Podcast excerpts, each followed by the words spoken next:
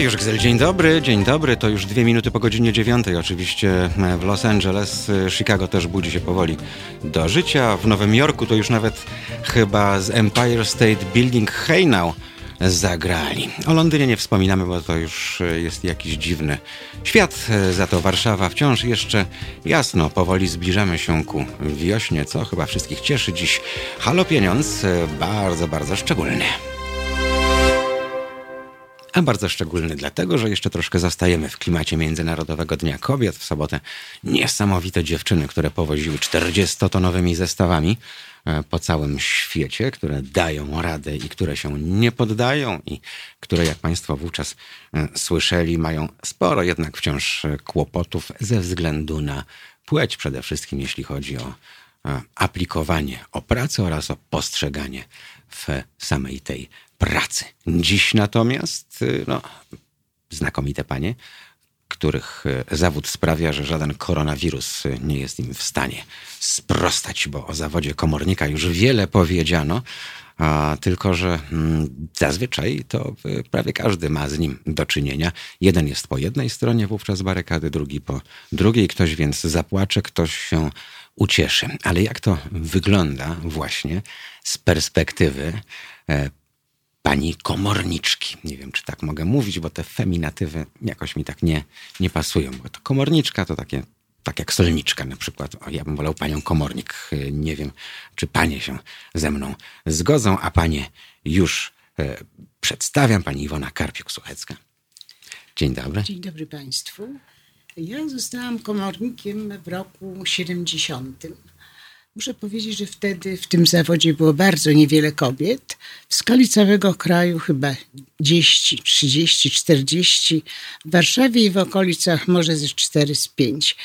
No nie był to zawód postrzegany jako zawód kobiecy, ale życie pokazało, że można dokonać zmian i obyczajowych, i w postrzeganiu komornika, i że właśnie kobiety, tak, tak, kobiety sprawdzają się znakomicie ponieważ w stosunku do kobiet w naszej kulturze jeszcze obowiązuje pewien taki sposób zachowania, że nie chce się być agresywnym, niegrzecznym. No, nie zawsze oczywiście, ale z reguły. Także łatwiej nam się rozmawia z naszymi e, klientami.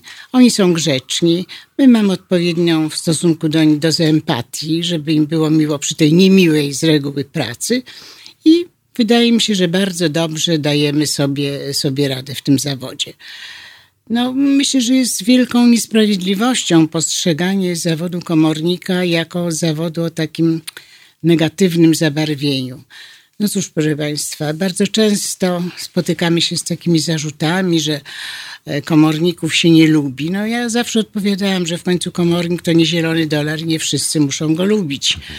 E, niemniej jednak zawsze połowa nas lubi, a druga połowa nie, bo ci, którym wyegzekwujemy należne im wierzytelności, są bardzo zadowoleni. No, ci, od których je egzekwujemy, niekoniecznie. Ja myślę, że jest jedna kategoria, która nigdy nie ma wątpliwości, jest to postrzegane społecznie jak najbardziej pozytywnie, czyli wszystkie działania e, podjęte przeciwko tym, którzy uporczywie uchylają się od płacenia alimentów.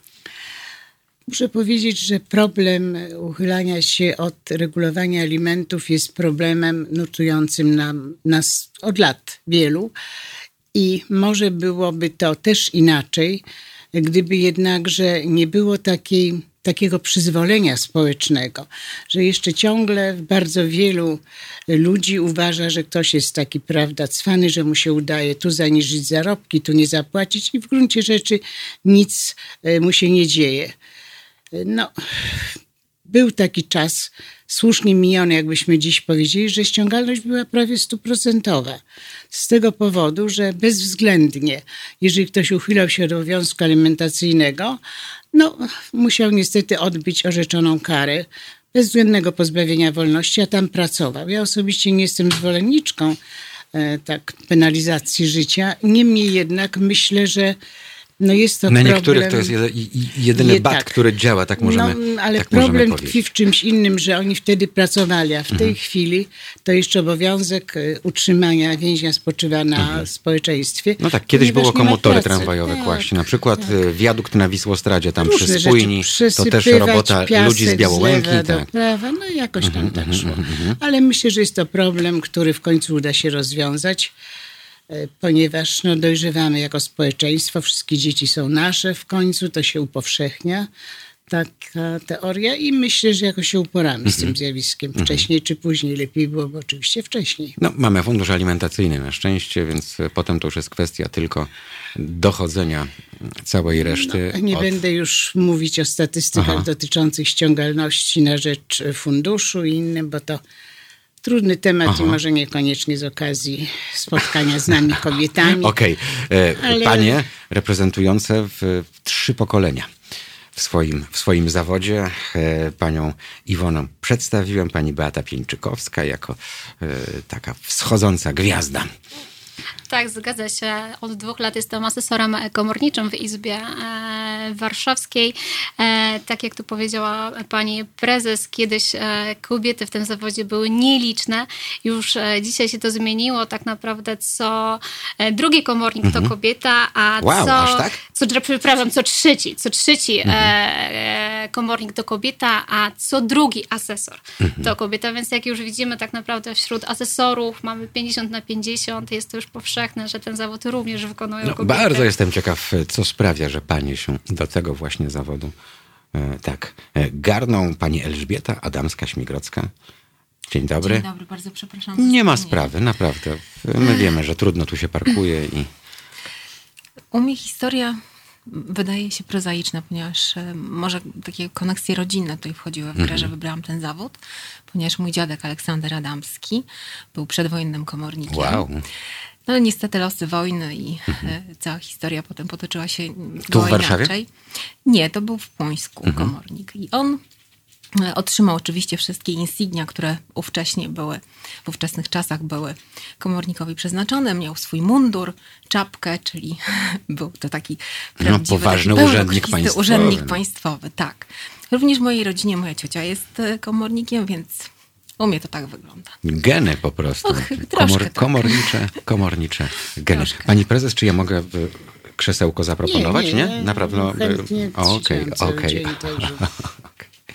E, Dobrze. E, Wobec tego, skoro tyle kobiet się garnie, to zastanawiające się, zastanawiamy się, dlaczego? Bo jak już ktoś idzie na, na studia prawnicze, to zazwyczaj kieruje się tam, gdzie no nie chcę powiedzieć, że łatwiejszy chleb być może, ale gdzieś tam, gdzie ta możliwość rozwoju wydaje się większa niż w osadzonych w sztywnych ramach y, zawodzie komornika.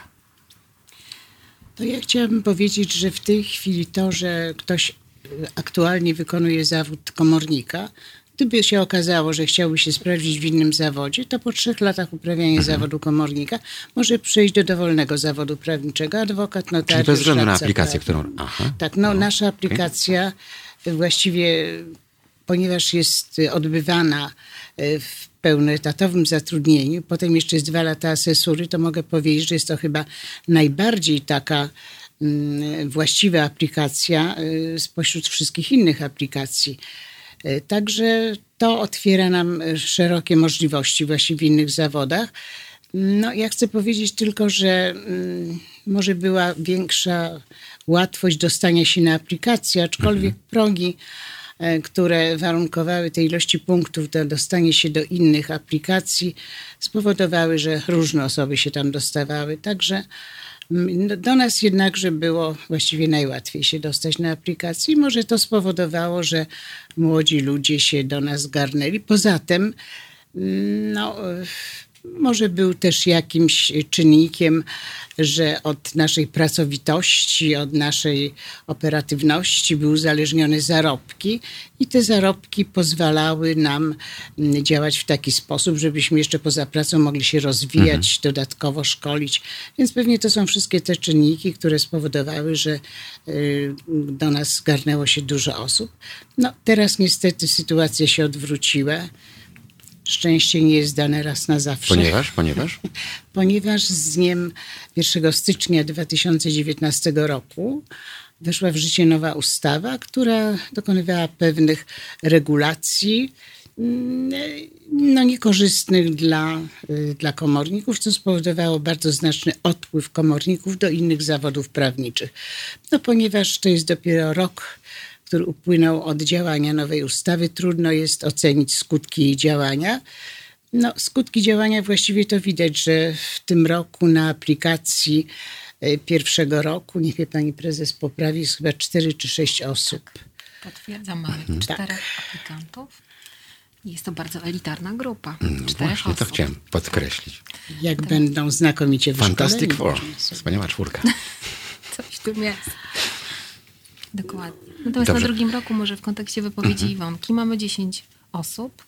No jest to grupa również mała. Dobrze, a jako, jako grupa właśnie to komorników brakuje? Jest ich y, deficyt, czy wręcz odwrotnie? Y, Bo jak w każdym zawodzie, tak i tutaj no jest ten podział tortu, nie mamy co tego ukrywać. Nie wiem, czy Iwonko chciałabyś zabrać głos? No, ja powiedziałabym tak, y, może jeszcze nie ma deficytu. Był takim, bo jeszcze byli aplikanci z poprzednich roczników, więc ci, którzy odchodzili, to aplikanci zdawali egzaminy, odbywali asesurę i można było te kancelarie mm, obsadzić. Y, Natomiast jak to się potoczy dalej, jaki będzie odsetek osób odchodzących do innych zawodów, bo jeżeli będą zarobki powiedzmy na takim poziomie, że dobrze wykształcony prawnik otrzyma stanowisko za te pieniądze w administracji czy gdziekolwiek indziej, to myślę, że wybierze sobie zawód mniej stresujący i obarczony mniejszymi kłopotami. Mhm. No i przy okazji e, zawód, y, który sprawi, że to do niego będą się ustawiały kolejki, a nie on będzie musiał walczyć o swoje. E, Tak a propos tego pokolenia wstępującego, e, to co tak naprawdę spowodowało, że pani się zdecydowała na aplikację e, właśnie komorniczą, a nie, nie wiem, radcowską na przykład? Skąd ten pomysł? To był bardzo trudny tak naprawdę wybór. Po e, skończeniu studiów długo się zastanawiałam, na jaką aplikację e, wybrać. E, fakt, że w trakcie studiów już byłam osobą aktywną i miałam możliwość odbycia e, praktyk zarówno w kancelarii komorniczej, jak i również adwokackiej czy radcowskiej. E, I tu akurat zdecydowało cechy charakteru, które uważam, że nam należy mieć w tym e, zawodzie, bo trzeba tu przede wszystkim powiedzieć, że zawód komornika to jest trudny zawód, tak? I żeby wykonywać go, e, to e, należy być ta osobą opanowaną, tak? Z te, e, Ale jest jakaś wstępna weryfikacja takich osób? No bo jak się trafi jakiś oszołom, no to może narobić więcej szkody niż pożytku, szczególnie tej szkody wizerunkowej, bo jak się coś... Badania psychologiczne. takie Tak. Okej, są. super. Bo jak się dzieje coś złego, nadmienię tylko, to przez media ogólnopolskie się to przewija. y, Jeden, Tak, drugi, piąty każdym- komornik, prawda? I jest to sekowanie komornika, a, który akurat postąpił wbrew prawu. Niektórzy poszli za to siedzieć, inni już y, wyszli. Pani, decydując się na coś takiego, już Tak, y, należy miała, bo to już całą tę wizję postrzegania zawodu. badania przejść, to jest warunek e, w ogóle przystąpienia Mhm. do egzaminu wstępnego na aplikację. Jeżeli się nie przejdzie badań e, psychologicznych, to nie można e, przystąpić do egzaminu Mhm. wstępnego. Co tu należy powiedzieć? Przede wszystkim no, praca komornika czy asesora to jest rzemiosło, którego się tak naprawdę uczymy całe lata. Jest to szalenie ważny zawód e, w naszym społeczeństwie, ponieważ tak naprawdę nie wyobrażam sobie tego e, wymiaru sprawiedliwości bez tego zawodu. Mhm. No, ja sobie wyobrażam nieco inny wymiar sprawiedliwości, żeby posługiwać się tym zawodem, bo Polska była przez całe lata krajem, gdzie funkcjonował bankowy tytuł egzekucyjny jako jedyny w Europie oprócz Duńczyków, ale to jest inna bajka, bo ci ludzie e, i tak spłacają swoje długi wcześniej niż e, podpisują umowy. E, Natomiast w polskich realiach to bardzo często były sądy kapturowe i pan sędzia, który miał stertę wyroków do podpieczętowania i nawet nie interesowało go, co jest e, co jest w środku, żeby nadać e, klauzulę, więc e, takich e, typowo azjatyckich e, e, zachowań tutaj u nas było przez lata wiele.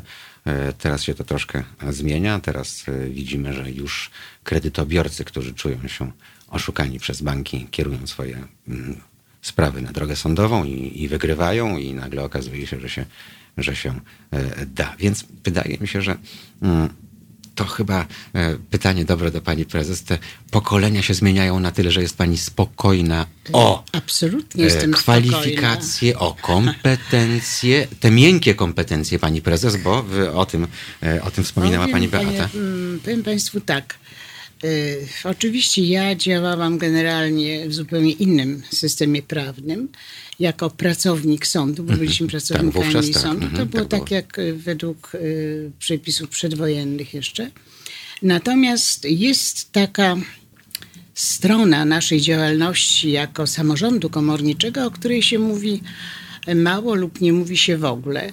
I właśnie Czyli? nawiązując do tego bankowego tytułu egzekucyjnego, to chcę powiedzieć, że to w dużej mierze dzięki naszym staraniom, naszemu samorządowi, widząc, prawda, jak to się wszystko odbywa, to doprowadziliśmy do tego, że podjęto inicjatywę legislacyjną, żeby przynajmniej nadawać klauzulę wykonalności. A projekty były takie, jednego z bardzo znanych profesorów, specjalistów od egzekucji, żeby w ogóle banki tak wydawały sobie, wystawiały z tytuły egzekucyjne i same je egzekwowały. No więc to już dla nas było w ogóle nie. No, to by się jakimś pałkarstwem kiedyś Tak. skończyło po prostu. Nie, Y, Również na przykład były, y, żaden z przepisów nie nakładał na ujawnianie przez Skarb Państwa hipoteki przymusowej, wobec czego my sprzedawaliśmy na licytacji nieruchomość, a potem jak królik z kapelusza wyskakiwała hipoteka, o czym nabywca nie miał wiedzy. I to właśnie działaniami samorządu komorniczego doprowadziło się do tego, że te przepisy zmieniono. No, No banki chcę- rzadko kiedy e, e, grają czysto, więc e, to wcale nie dziwi, że zależało im na tym, żeby, Żeby, żeby, prawo, ten ciężar by Zależało im na tym, żeby ściągnąć szybko tak. swoje należności, a potem niech dłużnik, prawda, walczy z nimi i Dokładnie. bierze sobie adwokat. Jak Podczas gdy w każdym cywilizowanym kraju, pani prezes, y, spotykaliśmy się w sądzie, sądzie gospodarczym i każdy musiał swoje racje udowodnić, musiał być dowołany ten człowiek z drugiej strony i opowiedzieć, jak on Tak. Ale to widzi ze swojej chcę strony. powiedzieć, że poza tym, co robiły banki, były znacznie bardziej przykre Mhm. zjawiska, mianowicie eksmisje na bruk, których niestety wykonano ponad 9 tysięcy. W w 9 tysiącach sprawach. A ile było osób, to nie wiem, ponieważ orzeczenie sądu zwykle brzmiało pan Kowalski z osobami, których prawa reprezentuje. No i muszę powiedzieć, że dzięki naszym usilnym staraniom, e, kiedy chodziliśmy, prawda, do wszystkich parlamentarzystów, którzy tylko chcieli z nami rozmawiać. Wspierał nas jeszcze Kotański z Monaru. No i potem była ustawa w końcu o ochronie lokatorów. Ja chciałam powiedzieć, że pierwotnie przepisy tej ustawy o eksmisjach to były bardziej znacznie rygorystyczne, niżeli przed wojną. Przed wojną, gdzie były domy wyłącznie prywatne, nie wolno było eksmitować bezrobotnego, kobiety w ciąży. U nas właściwie wszystkich, No, najsmutniejsze lekarz, jest to, tak. że to prawo powstało podczas kadencji podobno lewicowego rządu e, wówczas, więc No, wtedy, kiedy rozpoczęła się transformacja i kiedy y, zakłady pracy masowo sprzedawały swoje nieruchomości, w związku z czym, jeżeli na przykład, no akurat Włosi nie kupili mieszkań od hutą Warszawa, y, utracał pan, będąc pracownikiem tego zakładu, Prawo do lokalu. prawny do Mhm. lokalu i to były... no, takich przypadków było, Już- było sporo. No teraz przypomnijmy, że Lukini to już nie jest właścicielem, teraz pan Hindus. Najśmieszniejsze jest, proszę państwa, to, że pan Hindus kupił za tak astronomiczną kwotę hutę Warszawa, że więcej wydał na wesele swojej córki. To jest e, prywatyzacja, kapitalizm po polsku, ale to już na zupełnie inną, inną opowieść. Ja na obronę tego mogę Mhm. powiedzieć tylko, że uczymy się wszystkiego kapitalizmu także. Pani prezes, tylko my się uczymy na wzorcach bananowej republiki gdzieś z południowej Ameryki, a nie na Bo wzorcach lubimy banany. Być może tak, ale nie wyciągamy wniosków, bo to samo było w dwudziestoleciu międzywojennym. Kraj totalnej, skrajnej biedy. A, Proszę poczytać wywiady. Nam się dwudziestolecie jawi jako w ogóle coś wspaniałego. a mnie stan wojenny, wie pani jak było świetnie, by Tak. robiliśmy iglo, by nosiliśmy herbatę żołnierzom, ci nas wciągali na swoje skoty i A czołgi. ja ciągle Cudownie wspominam. pamiętałam opowieści swojej babci, która mówiła, słuchaj, jak modlili się wszyscy o śnieg. Ja No bo było dużo pracy, bo do łopaty trzeba było wtedy. Tak 50 jest. bezrobotnych czekało, Chyba nawet złotówkę można było dostać. Tak. Mhm. I różne snuła opowieści, wobec czego mój Cudowne obraz dwudziestolecia, poza szczęściem, że Mhm. odzyskaliśmy niepodległość, ale już w 20 roku przecież Warszawa strajkowała, generalne strajki były, więc to nie było tak, jak nam się wydaje.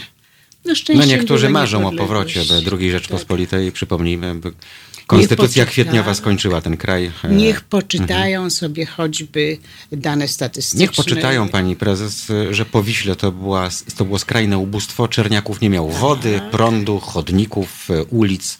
Nawet do dziś dnia najprawdopodobniej te pięknie odrestaurowane kamienice Trójkąta Bermudzkiego, Lwowska, Noakowskiego, y, ta, mm, to są Śniadeski, to Koszykowa. przecież... Tak. Gdzie są toalety na podwórku. Mhm. Tylko y, od frontu łazienki, od frontu były toalety, a tam, gdzie się wchodziło y, tymi drewnianymi schodami, gdzie służba wnosiła węgiel do tych pieców, to już było Te wejścia akurat inaczej. są, nawet są windy dla Tak. służby oddzielnej. Tak. Tak. tak, do dzisiaj zostały. Ja miałam zresztą taką teorię, że oni w gruncie rzeczy mogli wchodzić tymi frontowymi Mhm. schodami, ale przecież to nie chodziło o to, jak oni będą wchodzić. Nie mieli specjalnie patrzeć, Mhm. jak państwo żyje. Najbardziej mnie, mm, tak już kończąc ten wątek, e, e, bawi e, ten zachwyt tymi starymi fotografiami, filmami z przedwojennej Warszawy. Tylko proszę Państwa, proszę sobie uświadomić, że filmowano najpiękniejsze miejsca, i, Oczywiście. a nie te, gdzie w- panowało skrajne dziadostwo, a I to skrajne dziadostwo... tych, którzy się dobrze Tak kadrowali, jest, pięknie tak jest. wyglądali. No. Czyli tak jakbyśmy dzisiaj, nie wiem, pojechali na Mazowiecką pod kluby i zobaczyli, jakie tam bryki i jaka młodzież szczęśliwa, po prostu Tak. wszyscy mają na wszystko. No, że są troszkę naćpani, to przecież przed wojną też się. Mhm. No, przed tak? wojną No. się ostro ćpało, szczególnie, że kokaina była w pewnym momencie tańsza od wódki. E, cukier z kolei był mega drogi, pamiętamy. To znaczy ci, którzy wiedzą, to pamiętają Melchiora, Melchiora Wańkowicza. tak jest, tak. dokładnie. E, tak, e, ale tu mówimy już szyfrem, bo jak włączyłem ostatnio kanał Matura to bzdura i pytano, gdzie jest Zatoka. Morskie Oko to zakreślali w Zatoce Gdańskiej, więc e, niestety na to nawet koronawirus nie, nie pomoże. No cóż, y, Mhm. mogli jeszcze zakreślać y, Park Morskie Oko, ale pewnie tam nie ma żadnego klubu chwilowo, więc... Tak, no, kiedyś była restauracja Sielanka, rozmarzyliśmy się tymi A jest klima- jeszcze chyba Jest Sielanka? Oczywiście. A pamięta pani prezes tu podwój, pod Tak. dwójkę, jak Właśnie się wskak... dlaczego chciałam powiedzieć, pan myślę, że pan zna to. A, Przecież, oczywiście, że pamiętam pod dwójką, wszystko pamiętam, bo przecież... Wpadało się pod dwójkę w godzinach pracy? No, pamiętam też y, tu, gdzie Teatr Rozmaitości Mhm. było takie słynne, słynne, jeśli można tak powiedzieć, zabójstwo redaktora Martyki. Tak jest. Wszystko pamiętam. Strasznie długo żyję, więc... Pani, ja, ja żyję Pamię- połowę tego y, i też pamiętam dobrze. By... Nawet powiem pan lepiej To kwestia pamiętać, wychowania bo- chyba, wie pani? Myślę, że tak. Ja w ogóle mm, nie wyobrażam sobie y, mieszkania gdziekolwiek, w jakimkolwiek innym mieście, aniżeli Warszawa. Chociaż mam oczywiście świadomość y, tego, prawda, że jest miasto zabudowywane niespójnie, że to, ale pamiętam, jak w 1945 roku wracałam do Warszawy i tylko były napisy Milniet, a tu się wszędzie jeszcze no, E, moja mama mieszkała na Dzikim Zachodzie, urodzona 19 marca 1939 roku. Wówczas dziadkowie mieszkali na Śliskiej, czyli tam, gdzie jest teraz Pałac Kultury i, i Nauki. Wiele lat na Dzikim Zachodzie, do lat 50. i tak jak na serialu Dom, tam burzyli po nocach te swoje gruzy, żeby na Muranowie dostać mieszkanie i tam je w końcu Więc ja muszę powiedzieć, dostali. że jak 11-13 było wyburzane, to myśmy też dostali Mhm. mieszkanie na Muranowie, którego ja nienawidziłam, a moja babcia mówiła, że to straszne mieszkać w getcie, bo mieszkała przed wojną na Kruczej. Więc mieszkanie w getcie. Mhm. No moi na Śliskiej, a ostatni adres, Straszne. który jest w dokumentach obozu koncentracyjnego Dachau, to e, Dobra Strasse. No, więc e, Także to- mówię to, pamiętam tę Warszawę właśnie zburzoną, pamiętam jak się rozbudowywała i pamiętam jeszcze, że naprzeciwko 11-13, po tej stronie jak dwójka, była siedziba ZMP, Mhm. które jeszcze wtedy było uważane za coś nadzwyczajnego i ciężarówki przywoziły młodzież. I młodzież śpiewała, śpiewała, moją babcię kiedyś Mhm. to zaintrygowało, że poszła tam i spytała, właśnie z czego oni się tak cieszą Mhm. ciągle śpiewają. Każdy z nich się chciał dostać do Mazowsza. Mhm. No proszę. Mama mi z kolei opowiadała, że jak chodziła do technikum mm, sztuk budowlanych, rzemiosł budowlanych na Górnośląską, y, to była klasa budowy podziemnej, czyli metro, czyli teatr Rampa i, i parę I innych. ta kurzawka nam przeszła. E, tak, to po drodze mijało się obóz jeniecki, m, gdzie by, byli żołnierze Wehrmachtu przetrzymywani, no i oni jako te dzieciaki do dobrego tonu należało podejść do tej siatki i tam na tego Niemca napluć. Taki to był czas, oby już nigdy nie wrócił e, i oby już nigdy e, Luftwaffe nie decydowało o tym, jak e, wygląda zabudowa miasta, chociaż niestety to, co się dzisiaj dzieje w mieście, to gorsze niż, niż czasami działania lotnictwa bombowego, ale to też jest temat na inną dyskusję, bo to miasto nam niestety zniszczono. E, 26 minut po godzinie, po godzinie 17 e, przemile się rozmawia, ale mam nadzieję, że, e, że przerwa na muzykę też Państwu dobrze zrobi, tym bardziej, że to będzie sam Stevie Wonder, proszę bardzo.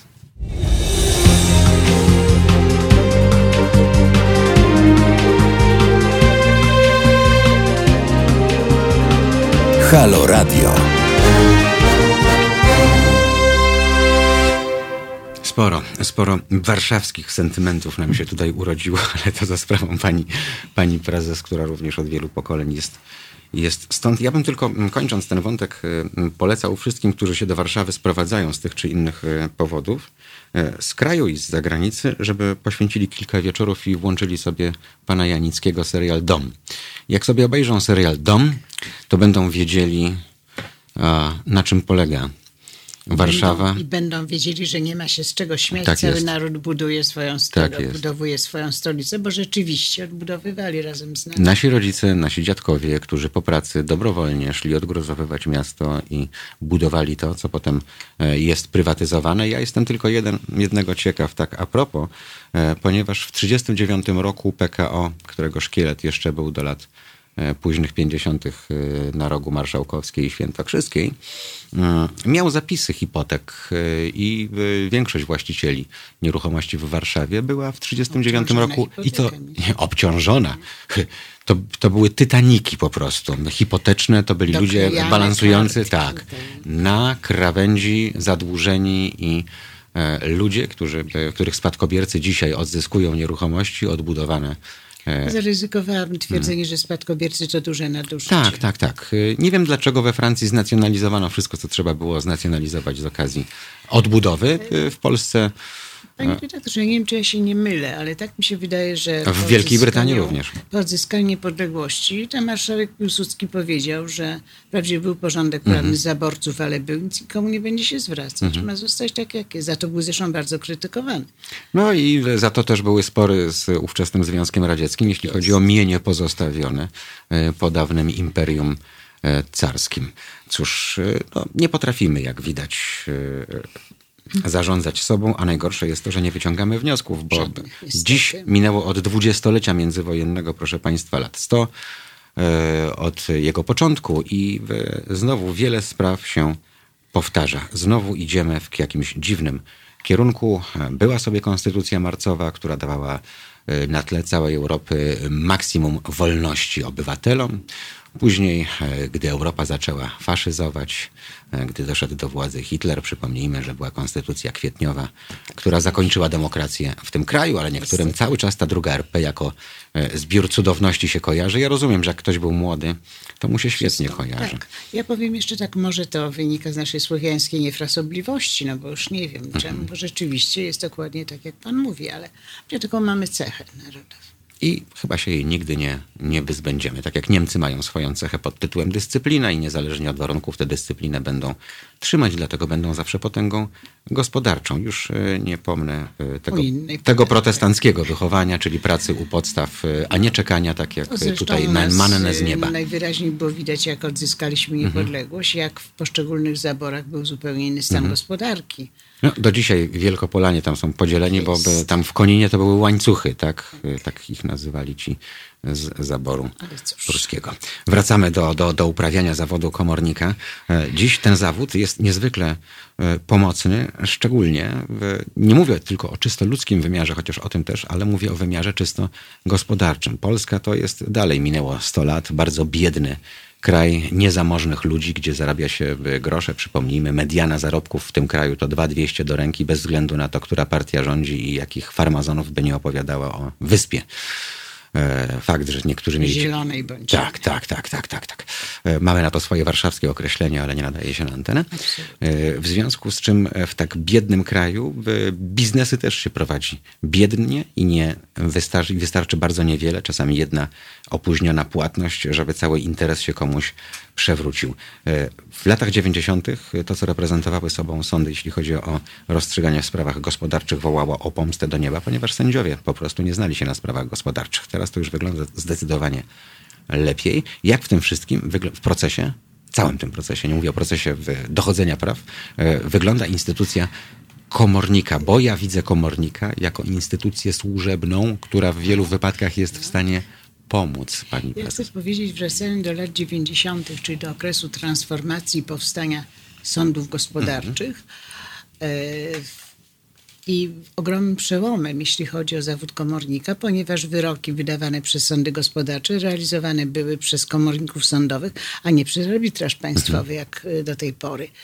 Również reaktywowano instytucję syndyka sądowego. Nikt w ogóle nie widział na oczy syndyka. Na, w latach 50. Mhm. byli syndycy, którzy likwidowali spółdzielnie, do, dobijali je. I muszę powiedzieć, że ja wtedy zostałam syndykiem na lat 12. Fajna fucha. Tak. Serio, mówię serio. Y, No, no żeby po prostu zobaczyć, jak to jest. Mieliśmy w Mhm. Pamięta pani słynnego syndyka? Wiemy wszyscy, o, o którym Pamiętam mówimy. wielu W. Centrum Leasingu i Finansów Tak. na przykład była taka świetna firma. Była, tak. Tak, No w tak. każdym razie mm, byłam, nawet rozważałam, czy przestać być komornikiem, a zostać Mhm. syndykiem i my wtedy powstała przy Agencji Przekształceń, Agencja Przekształceń Własnościowych, szkoliła syndyków, Mhm.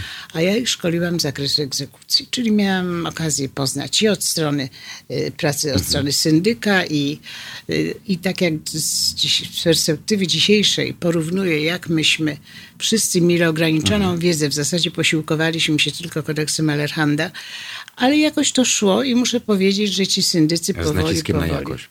dawali sobie radę. Także komornik sądowy. Dobrze, ale dzisiaj minęło wszystkim. lat ile już? 90., 2000, trzy, trzy dekady minęły. Jakoś to już wygląda ma ręce i nogi? Czy... Myślę, że tak. Ja powiem tak, jeśli chodzi o sądownictwo. znaczy, no, sprzedano już wszystko, co było do sprzedania, więc Tak. to też e, załatwiło po cenach, swoje. no wiemy Mhm. jakich, nie Tak. będziemy tutaj tego. Bardzo prawda? często kupowało się przedsiębiorstwo za tyle, ile było kasy w tym przedsiębiorstwie.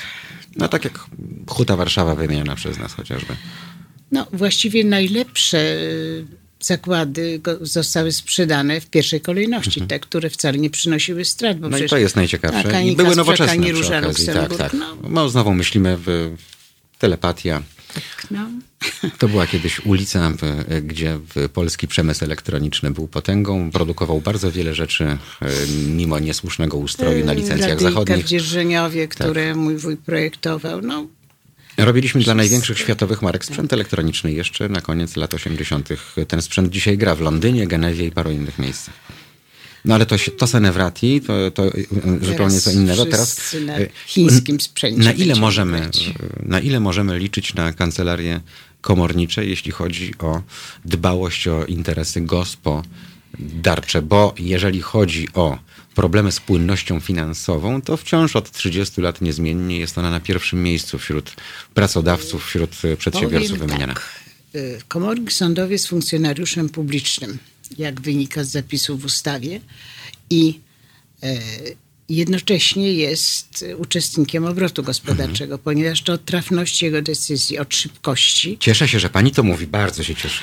Bardzo e, właściwie zależy byt Mhm. bardzo wielu przedsiębiorstw, że nie wspomnę o należnościach pracowniczych, które są egzekwowane w pierwszej kolejności. No niestety prawo ciągle stwarza furtki, takie, że wyegzekwowanie tych należności nie jest możliwe. I to, że powiedzmy Fundusz Gwarantowanych Świadczeń Pracowników wypłacić, czy tak jak wspominaliśmy to o alimentach, fundusz alimentacyjny, to w końcu my wszyscy za to płacimy. No i to jest, to jednak wymaga jakichś rozwiązań. Jakoś wszędzie na świecie udawało się to rozwiązywać. U nas z trudnością, y, bo jeżeli czegoś nie można rozwiązać e, w sposób taki, żeby wyegzekwować od tych, którzy powinni to zapłacić, to, to tworzy się jakieś fundusze i płacimy za to wszyscy. No ale cóż, z naszej strony jest możliwe tylko, żeby jak najszybciej prowadzić te postępowania, no i wystawiać stosowne postanowienia, żeby człowiek mógł skorzystać, prawda, z instytucji, które zapłacą mu za jego nieuczciwego pracodawcę. No ale też powiem, że nie zawsze wiąże się to z nieuczciwością pracodawcy, bo jeżeli jest to taki łańcuch, on musi zapłacić tak, VAT, podatek, wszystko, a pieniądze przychodzą albo nie musi przy... zapłacić. No, oczywiście, a pieniądze przychodzą albo nie przychodzą. Więc to jest taki, takie domino, że jak się gdzieś tam coś sypnie, to ileś firm pada. No mnie rozbawiła sytuacja, gdzie wystawiłem fakturę w dużej, dużej, dużej firmie, po czym zadzwoniłem, jak już trzy tygodnie minęło od momentu płatności. Pan prezes jest na feriach. Ja mówię, ale to ile zwojów mózgowych ma pan prezes, bo ja bym e, przed feriami takie sprawy załatwił i dopiero wtedy na Proszę spokoju pana, sobie na jak te ktoś ferie ma jakieś hobby, na przykład Mhm. lubi jeździć na nartach, to przecież trudno, żeby się zajął w tym momencie czymś innym, jak musi akurat pojeździć czy wyjechać na ferie. Trzeba być wyrozumiałym dla ludzi. Mówię to oczywiście w cudzysłowie. Ja wiem, to duży sarkazm. e, Takiego sarkazmu ja używam, e, dlatego rozdzielam osoby prowadzące działalność gospodarczą od przedsiębiorców. No, przedsiębiorca to jest zupełnie inna osoba niż ten, My nie jesteśmy prowadzi. przedsiębiorcami, my jesteśmy funkcjonariuszami publicznymi i mamy jak najwłaściwiej wykonywać swoje obowiązki, jak najszybciej. Jest y, czynności, które są wykonywane z opóźnieniem, są obarczone odpowiedzialnością Mhm. A dużo jest tych spraw o zapłatę właśnie, jeśli chodzi o y, zaległe pobory. My nie prowadzimy tego rodzaju statystyk chyba, o ile dobrze, żeby rozliczać, y, co z tytułu wynagrodzenia za pracę, co z tytułu alimenty chyba Tak, one tylko. są rejestrowane w repertorium Tak, KM. te rejestrowane są w jednym repertorium, także trudno nam powiedzieć. zestawienia są właśnie Y, tego rodzaju sprawy. Ale, Ciekaw jestem, jak to ale się procentowo rozkłada. Ile w pracy komornika jest y, czynności poświęconych właśnie sprawom takim czysto gospodarczym i pracowniczym, a ile na przykład, bo wiadomo pewnie ile jest, skoro Tak, pani Elżbieta wspomniała, że są notowane alimenty oddzielnie, to tu akurat mamy jasność tak, pewnie. zostały wprowadzone w tej chwili rozwiązania, jeżeli chodzi o rejestrację spraw e, gospodarczych prowadzonych na podstawie Mhm. właśnie orzeczeń wydawanych przez sądy gospodarcze. Jest to repertorium GKM, czyli mamy no, obraz, jak kształtują się te postępowania i ile tych spraw wpływa do komorników. Każdy komornik jest zobowiązany do złożenia rocznego sprawozdania ze swojej działalności, a także złożenia sprawozdania MSCOM 23, w którym prezentuje E, Jest to takie zestawienie ilościowe wszystkich spraw, które wpłynęły do kancelarii, a także wskazuje pozostałość spraw, która pozostała do wyegzekwowania e, i przeprocedowania w kolejnym okresie sprawozdawczym. Czyli te statystyki mm, wskazują na to, że Przynajmniej ja mogę powiedzieć o swojej kancelarii, że tych spraw GKM pojawia się, owszem, one nie są, e, może nie stanowią większości ogółu spraw, ale e, są to sprawy, e, które również dotyczą właśnie przedsiębiorców, którzy, który właśnie komornik, tak jak Państwo wspomnieli poprzednio, że właśnie ta rola służalcza nasza polega na tym, żeby właśnie niejednokrotnie zapewnić tą płynność. Służebna, no Słu- Przepraszam, służebna, tak. Służalcza, Służebna, tak. przegięcie, no, żeby, żeby zapewnić tą wystarczy. płynność finansową danego przedsiębiorstwa, bo proszę, przedsiębiorstwa, bo proszę pamiętać, że my niejednokrotnie znajdujemy się pośrodku Mhm. konfliktu. Czy to właśnie chodzi o sprawy alimentacyjne pomiędzy Mhm. E, małżonkami, czy też byłymi małżonkami, jeżeli chodzi właśnie o pracodawcę nieuczciwego, który nie wypłacił wynagrodzenia swojemu pracownikowi. Ale również no, są właśnie te sprawy dotyczące obrotu gospodarczego, czyli e, firm, które nie otrzymały Czasami, czasami obrót za gospodarczy za wiąże się ze sprawami rodzinnymi. Sam znam taką, taką, taki przypadek y, małżeństwa lekarzy, kilka klinik, dzikie miliony w obrocie, no i teraz rozwód, no i a, trzeba te dzikie miliony jakoś e, coś z nimi zrobić, tak górnolotnie Tak. e, mówiąc. Natomiast e, ja jestem za tym, że jak ktoś nie ma mózgu i nie potrafi prowadzić działalności, to niech idzie na etat. Są dzisiaj Lidle, McDonald'sy i inne. Naprawdę nie każdy w Polsce musi prowadzić działalność gospodarczą, więc jak jesteś kretynem i się do tego nie nadajesz, to to zostaw, a nie będziesz chodził i jęczał. Nie stać mnie na ZUS, nie stać mnie na podatki, nie stać mnie na to, nie stać mnie na tamto. To y, może czas się przekwalifikować. Dlaczego e, e, e, ludzie tak trwają przy, przy swoim. No ile razy można łbem walić w mur? Nawet w nawigacji samochodowej, jak ma pani e, deviation, czyli objazd, to wiadomo, że szukamy innej drogi, a nie staramy się staranować te balustrady, które grodzą nam, nam drogę. Ja powiem tak, jeśli by wysłuchać przedsiębiorców, którym się nie udało, to nie zawsze jest tak, że oni źle prowadzą swoją działalność. No czasem zdarzają się, nagle coś podrożeje, nagle coś się zmieni. No oczywiście można powiedzieć, że każdy przedsiębiorca powinien antycypować, co go może spotkać, ale to nie można byłoby wtedy żadnej działalności prowadzić. Więc myślę, że to nie zawsze tak jest. ale oczywiście jest duża grupa, która wyprowadza pieniądze w sposób sprytny. Zanim to zrobi, to ma 10 doradców albo 110, prawda, żeby e, nie, nie odpowiadać z tego powodu. Czy spotkała pani, e, jaki procent niejęczących przedsiębiorców w Polsce? Bo ja spotkałem może 1, może 3%. To jest Wszystkim też- jest źle. Ale wy tak na Malediwy wy, e, z kochanką i na operację plastyczną wy zawsze tak, jak rolnikom. No po prostu widocznie wizja życia, jakie powinniśmy prowadzić, jest zupełnie inna od tego, jakie prowadzimy. Nawet jeżeli pojedziemy na Malediwy, to może hotel nie będzie pięciogwiazdkowa, 4,5. Już jesteśmy No niezadowoleni. tak, bo jak to w mediach społecznościowych pokazać? Od razu to Właśnie, odkryją. tak. Będzie obciach. Czy proszę pana, zrobi pan narzeczonej operację plastyczną u Ambroziaka, nie u Szczyta, Nie. już będzie niezadowolona? Nie. Polecam To Frydek tak Misztek. da. E, Czechy to jest pragmatyczny, ateistyczny kraj. Gdzie my jesteśmy jak zwykle jakieś 100 lat za nimi. E, I tam się operację robi e, za 5 tysięcy, którą się robi tutaj u tego Ambroziaka za 10, bo tam lekarz, nie, który mówi płynną polszczyzną, nie musi jeździć BMW 7 w pierwszym roku działalności. I to I jest też ta delikatna... czuje. Tak, i stać go na podatki, na miejscowy ZUS go stać.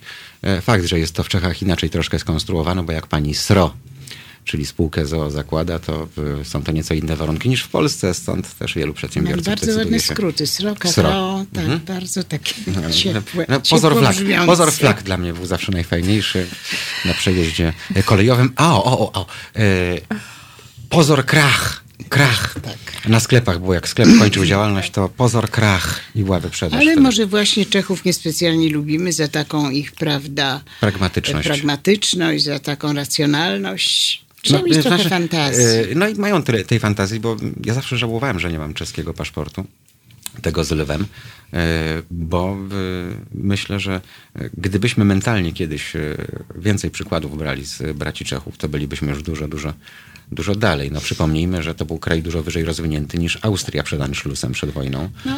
Właśnie chciałam powiedzieć. Kraj, z którego potencjału militarnego Adolf Hitler skorzystał. Można, można oceniać, prawda, w kategoriach patriotycznych to negatywnie. Niemniej jednak podporządkowali się Hitlerowi od razu. Skoda Werke budowała przez silniki do Volkswagenu. No, Hermann Göring Werke, tak, tak. Zresztą jego brat, wspaniała postać, która wielu Żydów uratowała od, od śmierci, dyrektor zakładów Hermann Göring Werke. O Żydach nie mówimy, mhm. bo mm, lubimy ich bardzo, mhm. ale ponieważ może nie tak wszyscy jakby należało, mhm. to w każdym razie czeski przykład jest, jest o tyle fajny, że bez względu na ustrój ci ludzie mają swoje cechy narodowe pod tytułem pragmatyzm.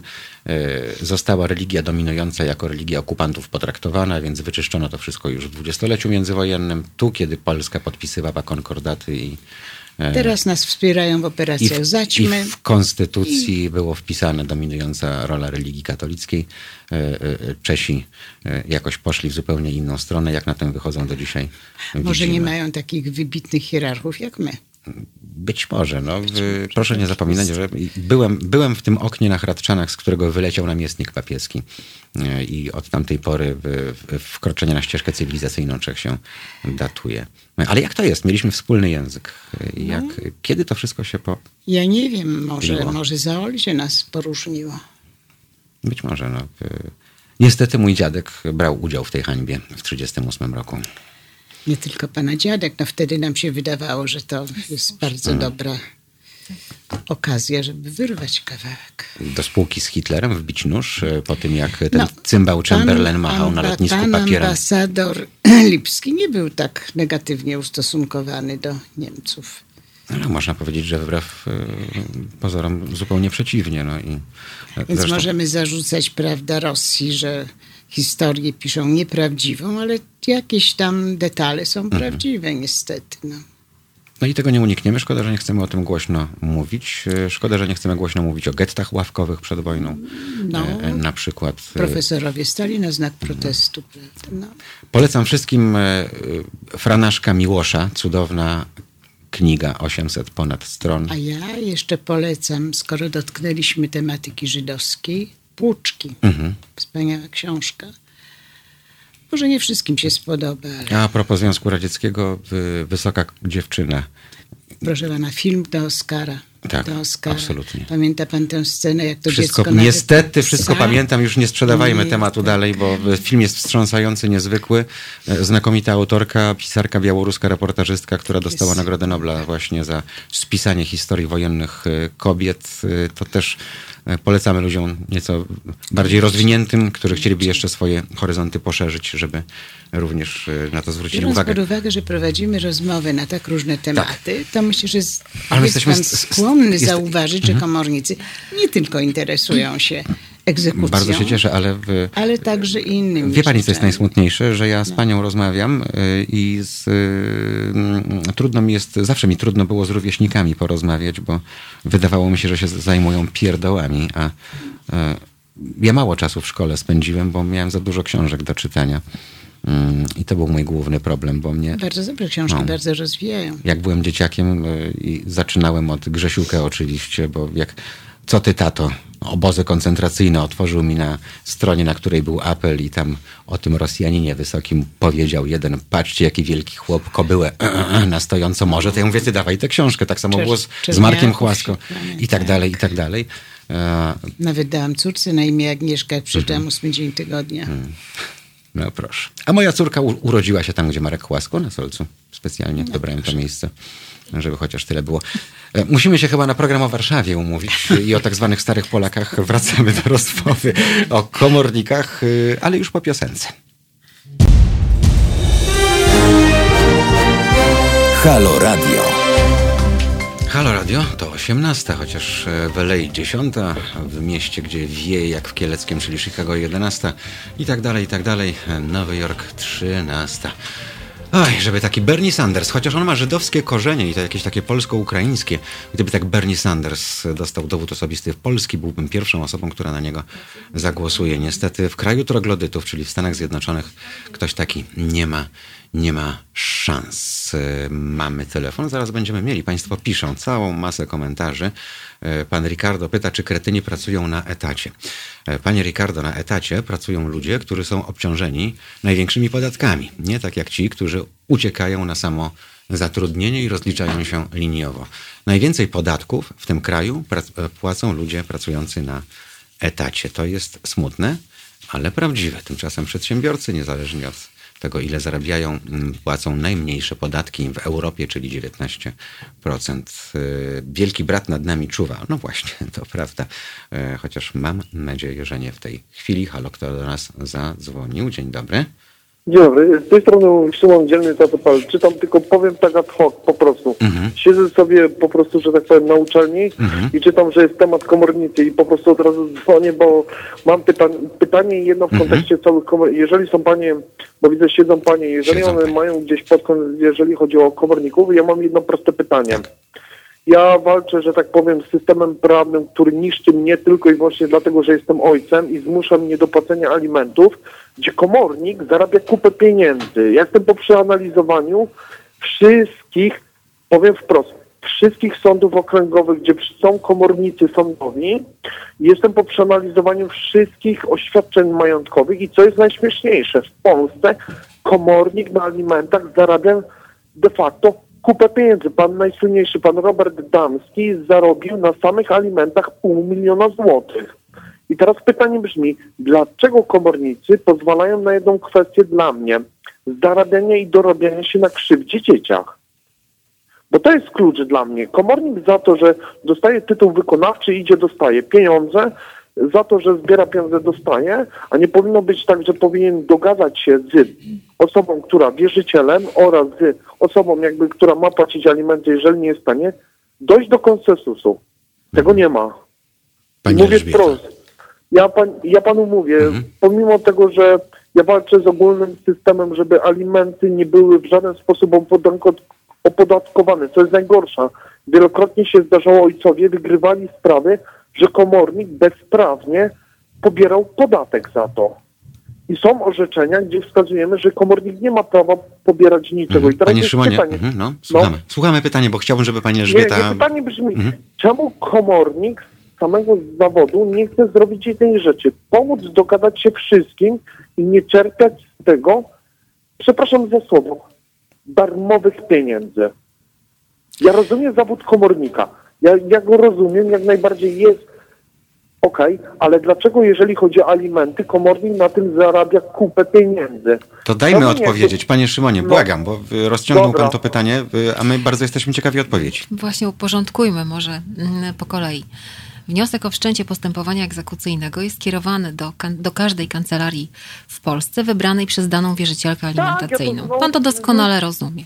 No, Natomiast e, powodem złożenia takiego wniosku jest e, swoiste zachowanie drugiej strony, czyli mamy tu do czynienia z zaległością alimentacyjną i niepłaceniem bieżących świadczeń. Świetnie, okej. Okay. E, mhm. I tutaj uważam, że mm, no duża, dużą rolą jest oczywiście poczucie odpowiedzialności ojca dziecka za jego wychowanie i łożenie na jego utrzymanie. To chyba Jest. jesteśmy zgodni.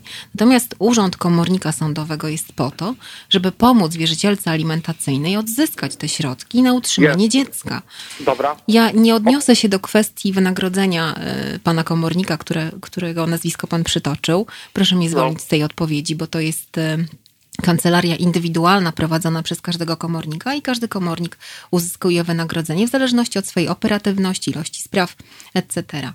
Natomiast w kwestii, pan wspominał o podatku. Czy mogłabym jeszcze prosić o, o doprecyzowanie, o jaki podatek chodzi? Bo, Ju- bo nie bardzo rozumiem. musiałbym wyciągnąć teraz na pani na biegu, nie powiem, bo Mhm. natomiast jest jedna rzecz. Komornik sobie doliczał podatek od wykonanej jakby czynności. I co się okazuje, od pobranych pieniędzy komornik sobie doliczał, ja teraz tak tylko pani mówię, bo musiałbym Mhm. sobie wyciągnąć całe orzeczenia, pobierał dodatkowy podatek. Później się okazało, że na przykład była sytuacja, pani powiem takie sytuacje, ojciec płacił alimenty i inne rzeczy, nagle matka idzie do komornika, pomimo, że ojciec nie ma żadnej zaległości. To jest fajna rzecz. Idzie z tytułem wykonalności, ponieważ alimenty, co jest najśmieszniejsze, są tytułem natychmiastowej wykonalności i może się stać sytuacja taka jak w moim rodzinnym przypadku. Drugi rodzic idzie do komornika, pomimo, że ja płacę pieniądze, idzie do komornika, komornik zabiera mi pieniądze, nie badając na nic, czy ja płacę, czy nie płacę, ponieważ ma tytuł wykonalności, dziękuję, do widzenia i tym się kończy cała rzecz. I z tego tytułu był pobierany również podatek. Ja jedną sprawę musiałbym wyciągnąć orzeczenie, że tak powiem, nie tylko swoje, ale reszty ojców, że tak powiem, w większości przypadków, że jest to bezprawne zabieranie pieniędzy i musiał potem komornik zwracać pieniądze. Tylko chodzi mi o jedną rzecz. Czemu komornik nie robi jednej rzeczy? Pani dobrze wie, że alimenty to nie są pieniądze. W jakim sensie? W jakim sensie alimenty to nie są Nie są pieniądze? pieniądze. Alimenty zgodnie z ustawodawcą, czyli z prawem rodzinnym, alimenty przede wszystkim w głównej mierze to jest czynny udział w wychowywaniu dziecka. I teraz patologią w Polsce się stała jedna rzecz. Kobiety w Polsce, to jest prawie 90%, zaczyna zabierać dziecko, uprowadza dziecko, ukrywa dziecko, idzie do sądu, prosi alimenty i dostaje alimenty z kopa. Mamy kolegę w swoim stowarzyszeniu, który zarabia 3,5 tysiąca złotych, ma 10 tysięcy złotych alimentów, ma już pół miliona zaległości, pomimo, że Urząd Skarbowy stwierdza, że nie ukrywa dochodów, prowadzi własną działalność i nie ma więcej dochodów, natomiast sąd stwierdza, że każdy przedsiębiorca w Polsce ukrywa i zaniża, ukrywa własne dochody i zaniża własny dochód poprzez koszta. I mamy takie sytuacje. I teraz ja lubię, nie mówię, że komornik jest zły, tylko dlaczego komornik, powiem panu, mogę pani wysłać państwu jako studiu również analizę, że komornicy najwięcej pieniędzy, gdzie zarabiają, to są dłużnicy alimentacyjne oraz w ogóle alimenty. Dlaczego w Polsce to jest jedyny kraj na świecie, gdzie alimenty stają się przestępstwem? Nie ma nigdzie na świecie. Dlaczego nie ma systemu alimentacyjnego opartego na Danii? Tam nie ma komorników, nie ma niczego. I teraz problem dla mnie jest jeden. Komornik teoretycznie nie powinien w ogóle ingerować w alimenty. Nie powinien podejmować działania, ponieważ w moim przypadku prywatnym, mówię to wprost, jestem z Katowic, ja nie płacę alimentów, bo ja nie będę płacił okupu za własne dziecko. Drugi rodzic, pomimo tego, że chcę wychowywać i mam zasądzoną opiekę, jakby mam zasądzoną opiekę z góry, matka żąda ode mnie 2000 zł alimentów, ja nie płacę w ogóle.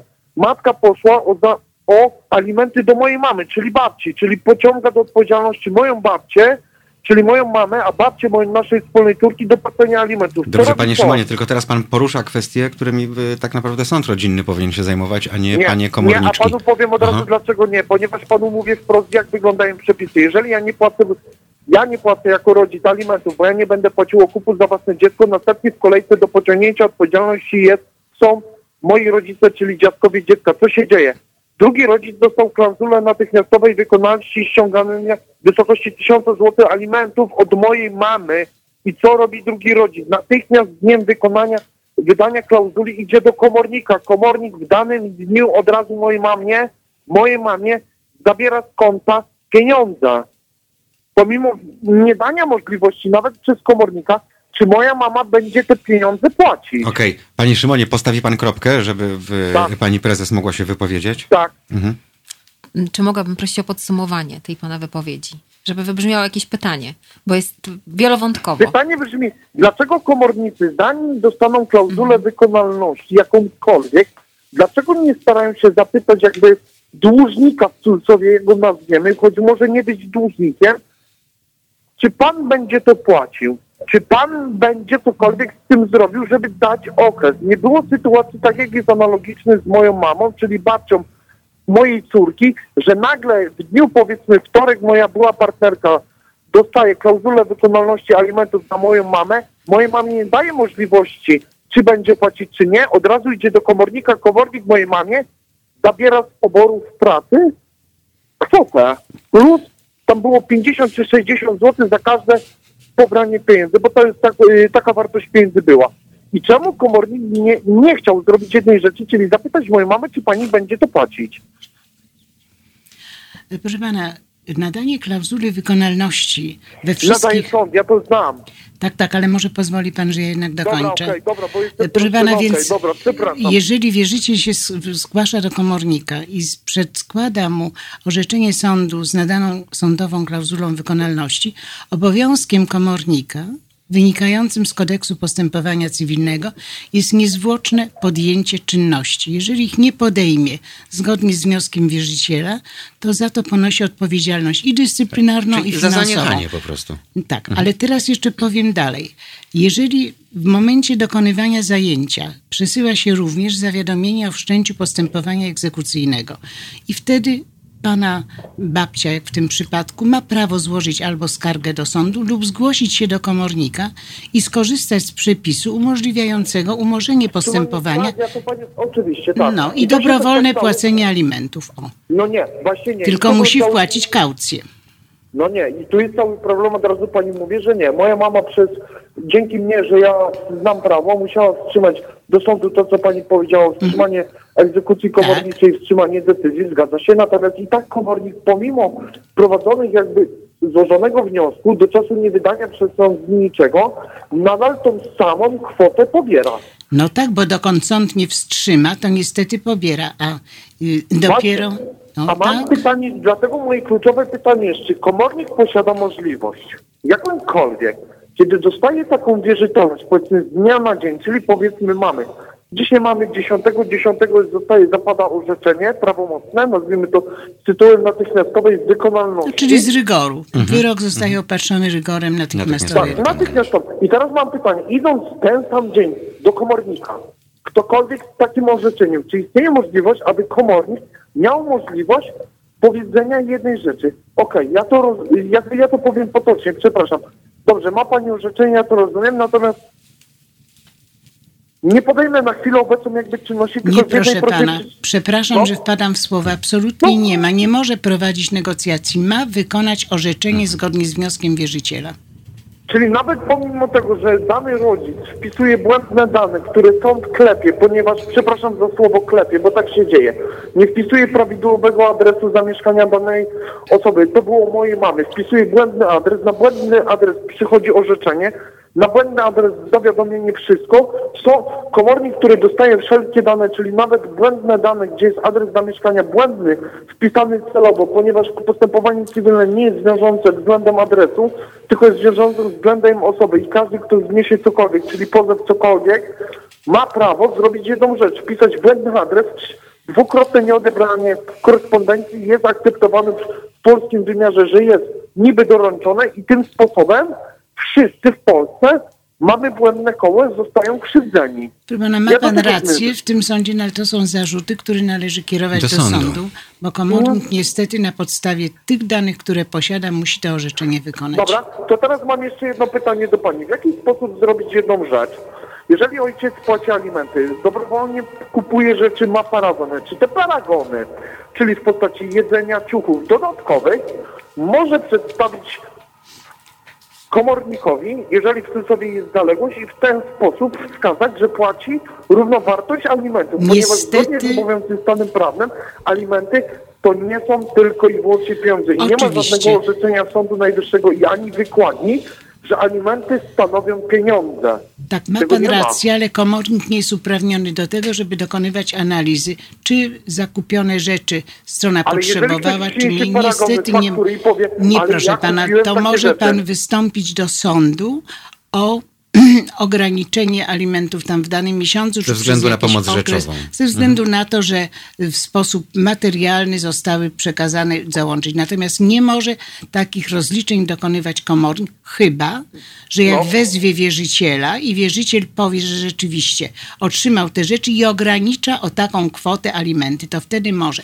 Natomiast a jeżeli, jeżeli nie... powie, że dobra, a jeżeli wierzyciel powie, że dostał takie rzeczy, ale on się nie godzi na to, żeby To obniżyć, tylko do sądu, proszę pana, należy złożyć wniosek. Dobra, o ograniczenie pytanie, tytułów dobra, tej super, części. Fajna rozmowa jest z panią, super, a teraz mam dodatkowo w związku z tym pytanie. Czy w związku z tym, czy można coś takiego wykonać z datą wsteczną?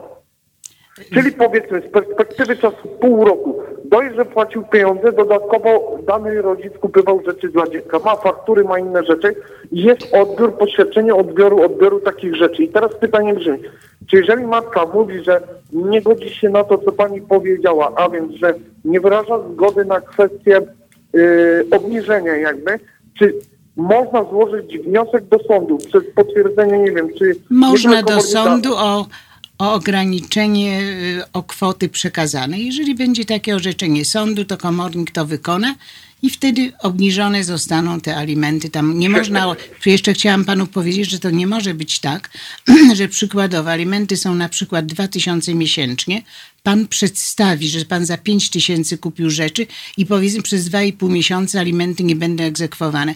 One będą ograniczone tylko w, w, w jakichś równych ratach, tak żeby nie pozbawić na bieżąco alimentowanego alimentów. Ale Dobrze, to jest wszystko zależy od sądu. No, no, bo teraz od razu też pani powiem jedną rzecz. My dążymy jako stowarzyszenie i wszyscy y, likwidacji alimentów w Układzie Polskim, bo to jest jedyny układ jednej, jednej rzeczy, że w Polsce nie ma ograniczenia wiekowego na płacenie alimentów i godzimy w dwie rzeczy. Alimentacja na dzieci, alimentacja na osoby dorosłe. W Polsce rodzic, który dostaje alimenty do końca życia dziecka tylko i wyłącznie za to, że będzie się uczył, czyli będzie miał 32 lata, dwójkę dzieci i będzie z mężem, dany rodzic będzie płacił alimenty. Nie, proszę dalej. pana, sąd może zbadać, czy alimentowany nie podejmuje pracy, mając po temu już kwalifikację i nie podejmuje tej pracy. Nie działa to, ja panią rozumiem. A no to ja już nie wiem, ale to proszę ja pana, to super, tylko i wyłącznie sąd, tak. Proszę tak, walczyć natomiast system tak nie działa. Panie Szymonie, dziękujemy za, Dobra, za ten dzięki. telefon. Dobra, pozdrawiam. Dzięki. Również dziękujemy, proszę zostać z nami. E, zawsze są to e, tematy, które wzbudzają kontrowersje, no bo wiadomo, że na 100 przypadków jeden pewnie jest taki, z którymi e, ktoś się czy to moralnie, czy prawnie nie zgadza, natomiast jeśli chodzi in gremio, trudno byłoby sobie wyobrazić taką sytuację, ze względu chociażby na to, że statystyki pokazują, e, iż niewiele jest osób, które e, dobrowolnie godzą się na zasilanie alimentacyjne, bo gdyby tak było, to wystarczy, szanowni państwo, pójść samemu do notariusza i ustalić samemu sobie alimenty na rzecz dziecka i w ten sposób omija państwa wszystko. Dogadują się państwo z matką dziecka, że taka a taka kwota będzie miesięcznie wpływała na konto. Notariusz to wszystko tak przyklepuje i wtedy nie muszą Państwo chodzić do sądu, e, rozdzierać e, szat, powoływać świadków e, i unikać całego tego niestety w dalszej perspektywie żenującego widowiska. Więc jeżeli jest dobra wola obydwu stron, to jestem w stanie uwierzyć, że są te strony w stanie się dogadać. Niestety bardzo często tej dobrej woli nie ma. Pozostaje pytanie, gdzie kończy się granica e, zasilania alimentacyjnego dziecka i przeznaczania pieniędzy na jego potrzeby, a gdzie zaczyna się korzystanie mm, z tych środków przez e, drugą stronę, która powinna niejednokrotnie taką samą kwotę po prostu przeznaczać na miesięczne utrzymanie dziecka. No i, no i tyle. E, a tam mały komornik rośnie w brzuchu i się temu wszystkiemu przysłuchuje. Tak, zgadza się. Mówię, oj, czy będą na mnie płacić alimenty? No, nie życzymy tego oczywiście nikomu, natomiast e, no, byłoby to warte opisania w jakimś reportażu, że dwoje komorników pokłóciło się o alimenty dla dziecka i kto komu ściągnie i ile. Czy my jesteśmy na... Tak, cały czas. Cały czas, pani prezes. Zdarzają się i takie historie przykre. Ale ten zawód, pomimo tego, że jest nie, niejednokrotnie dramatyczny, no bo rzeczywiście... Dobrze, a czy jest gdzieś tak zwana granica zdrowego rozsądku, czy wszystko musi się odbywać e, w takiej ścisłej literze prawa, gdzie komornik nie ma możliwości ruchu i nie ma pomiłuj, a tylko musi wykonać swoje czynności, tak jak pani prezes o tym wspominała, bo e, tak naprawdę czasami komornik występujący, ja wiem, że to źle zabrzmi być może i, i, i nieprofesjonalnie, ale w roli mediatora, który potrafi trochę lodu na głowę położyć obydwu stronom, być może by się, by się przydał. Mówię o tych umiejętnościach miękkich właśnie, o których wspominałem w poprzedniej, w poprzedniej godzinie, bo wiadomo, że sprawy natury rodzinnej to bardzo specyficzne e, sprawy i tam e, no, wchodzą już czynniki emocjonalne przede wszystkim, z którymi, które trudno się racjonalizuje. Oczywiście my zawsze staramy się, żeby strony ze sobą doszły do porozumienia, niemniej jednak to nie może wpływać na zaniechanie Mhm. czynności. Ja rozumiem. My musimy czynności dokonać, a niezależnie Tylko od czy tego... ponad to, jako wartość dodaną, pani prezes? Możemy, tak, oczywiście. Zawsze staramy się porozmawiać. Najczęstszą sprawą jest taką, że na przykład ktoś funduje dziecku wakacje, niekiedy bardzo kosztowne. A pani y, uprawniona do pobierania w imieniu dziecka alimentów mówi, przecież ja bym dziecka nie wysłała na tak kosztowne wakacje, bo ja potrzebuję kupić buty, potrzebuję zapłacić za angielski, więc to są niesłychanie trudne rzeczy. Tam, gdzie udaje się y, jakaś mediacja, to my to robimy, ale niestety y, strony są przeważnie tak skonfliktowane, że bardzo trudne jest porozumienie. No, ale to jest... Pan wspominał o Danii, natomiast Dania jest zamożnym społeczeństwem, e, gdzie zupełnie inne realia panują. Ja nawet powiem więcej. Jeżeli przyjdzie do nas zobowiązany do alimentacji i przyniesie nam pokwitowania, że przesyłał pieniądze, to my też nie mamy prawa dokonywać jakichś rozliczeń, ograniczać. Musi to uznać wierzyciel, a w przeciwnym razie, jeżeli nie uzna, to wyłącznie kompetentny jest sąd. Czyli komornikowi już nic do tego po prostu. Z, z litery prawa. Nie, z- nie zniechęci e, ani nie... Absolutnie. Aha. Kto do nas zadzwonił? Dzień dobry. Dzień dobry, Robert. Panie Robercie, słuchamy. Dzień dobry. Ja mam, tak nawiązując do wypowiedzi poprzedniego rozmówcy, Mhm. rodzinną sytuację, która jest dość e, brutalna, E, ponieważ wierzycielka, która ma nasądzone alimenty na dziecko, wystąpiła do komornika z e, wyrokiem sądowym nakazującym zapłatę alimentów. Panie Robercie, bardzo źle pana słychać. Bardzo źle pana słychać. A wierzycielka przekazała do, mm, do komornika wyrok sądowy nakazujący płatność alimentów a wraz z informacją, że nie są płacone alimenty przez ostatnie trzy lata, czyli to, co zgodnie z ustawą może wnioskować przez komornika. Mhm. E, Komornik zajął zgodnie z wnioskiem e, wierzycielki e, konta bankowe, lokaty, rozpoczął windykację i ściągnął z konta ponad e, powiedzmy kilkadziesiąt tysięcy złotych. Mhm. Um, informacja od była puszczona w dość brutalnym terminie, ponieważ 27 grudnia e, wierzyciel e, brat dostał informację e, od komornika, e, że następuje to, a e, zajęcie kont było e, 25 trzeciego czy drugiego, już nie pamiętam. A, więc generalnie e, dostał informację po terminie. E, niestety wszystkie płatności były dokonywane. Okazało się, że wszystkie płatności są dokonane. Komornik ściągnął e, te, te, te kwoty z konta mojego brata, przekazał to wierzycielce, która następnie przez pół roku nie kontaktowała się z, Mhm. z komornikiem i nie można tych pieniędzy było odzyskać. Mhm. A jest ciąg dalszy, panie Robercie? Czy na razie go nie ma? Tak, to już minęło półtora roku, Mhm. I? kiedy środki są zamrożone. Mhm. I teraz pytanie jest takie, tutaj do pani prezes i do e, innych pani. Są dwie e, pani prezes, takiej- no. Tak, do, do dwóch pani prezes.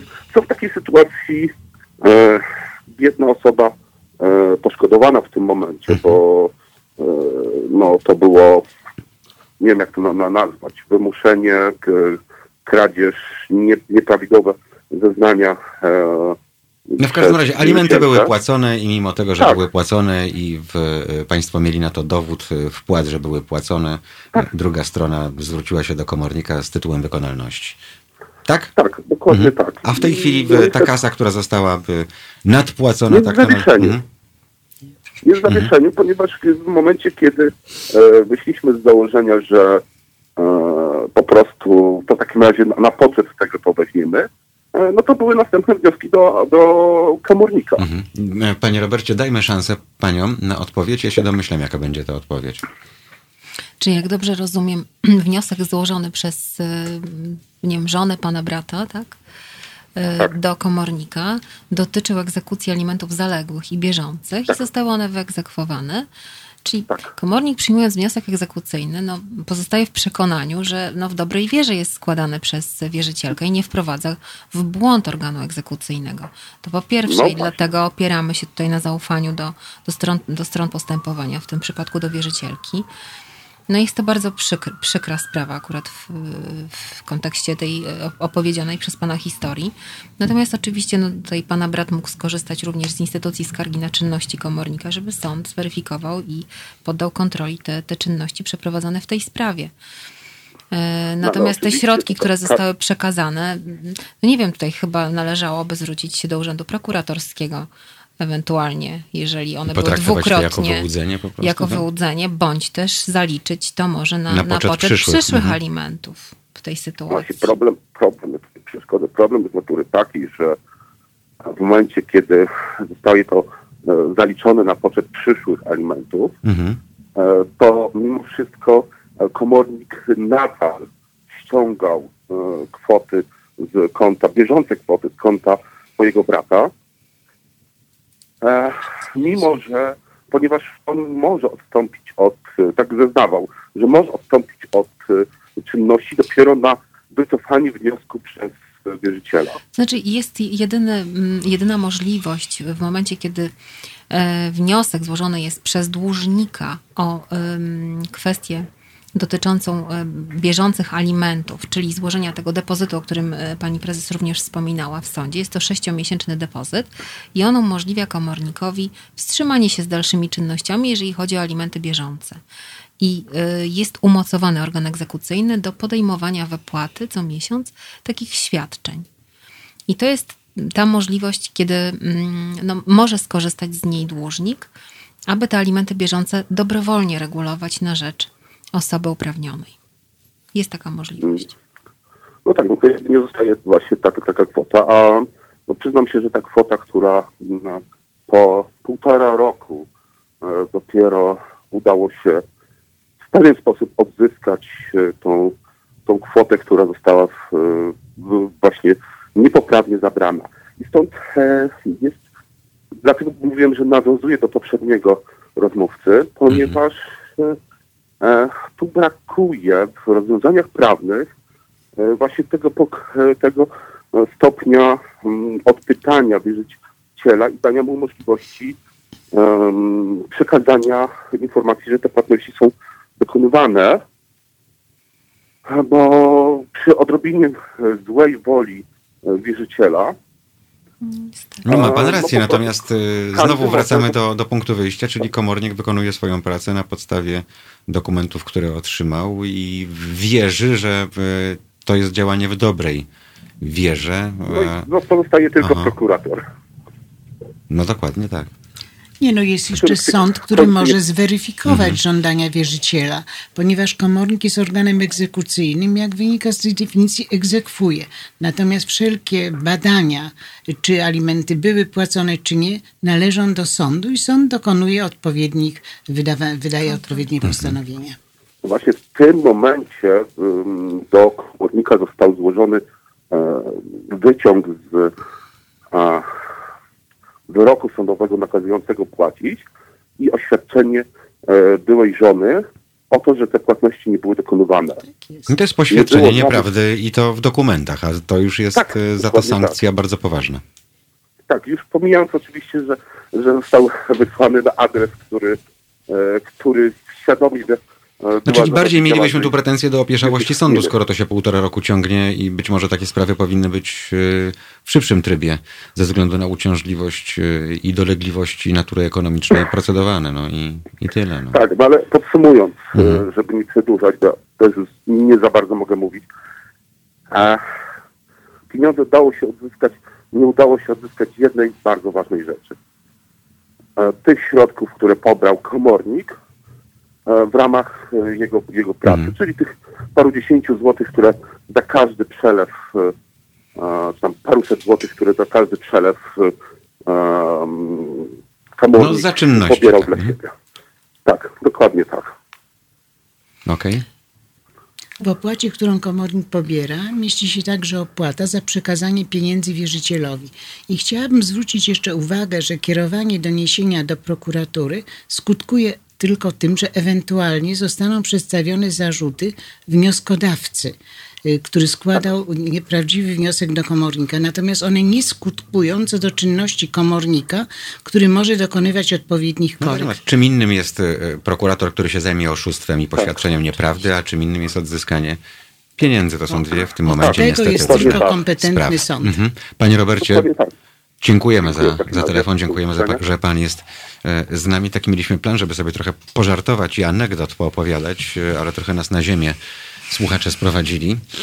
E, no wielki, wielki problem na pewno, jeśli chodzi o procedurę i przede wszystkim o czas trwania. Proponuję, byśmy troszkę odetchnęli teraz i wrócimy do Państwa za jakieś 3,5 minuty.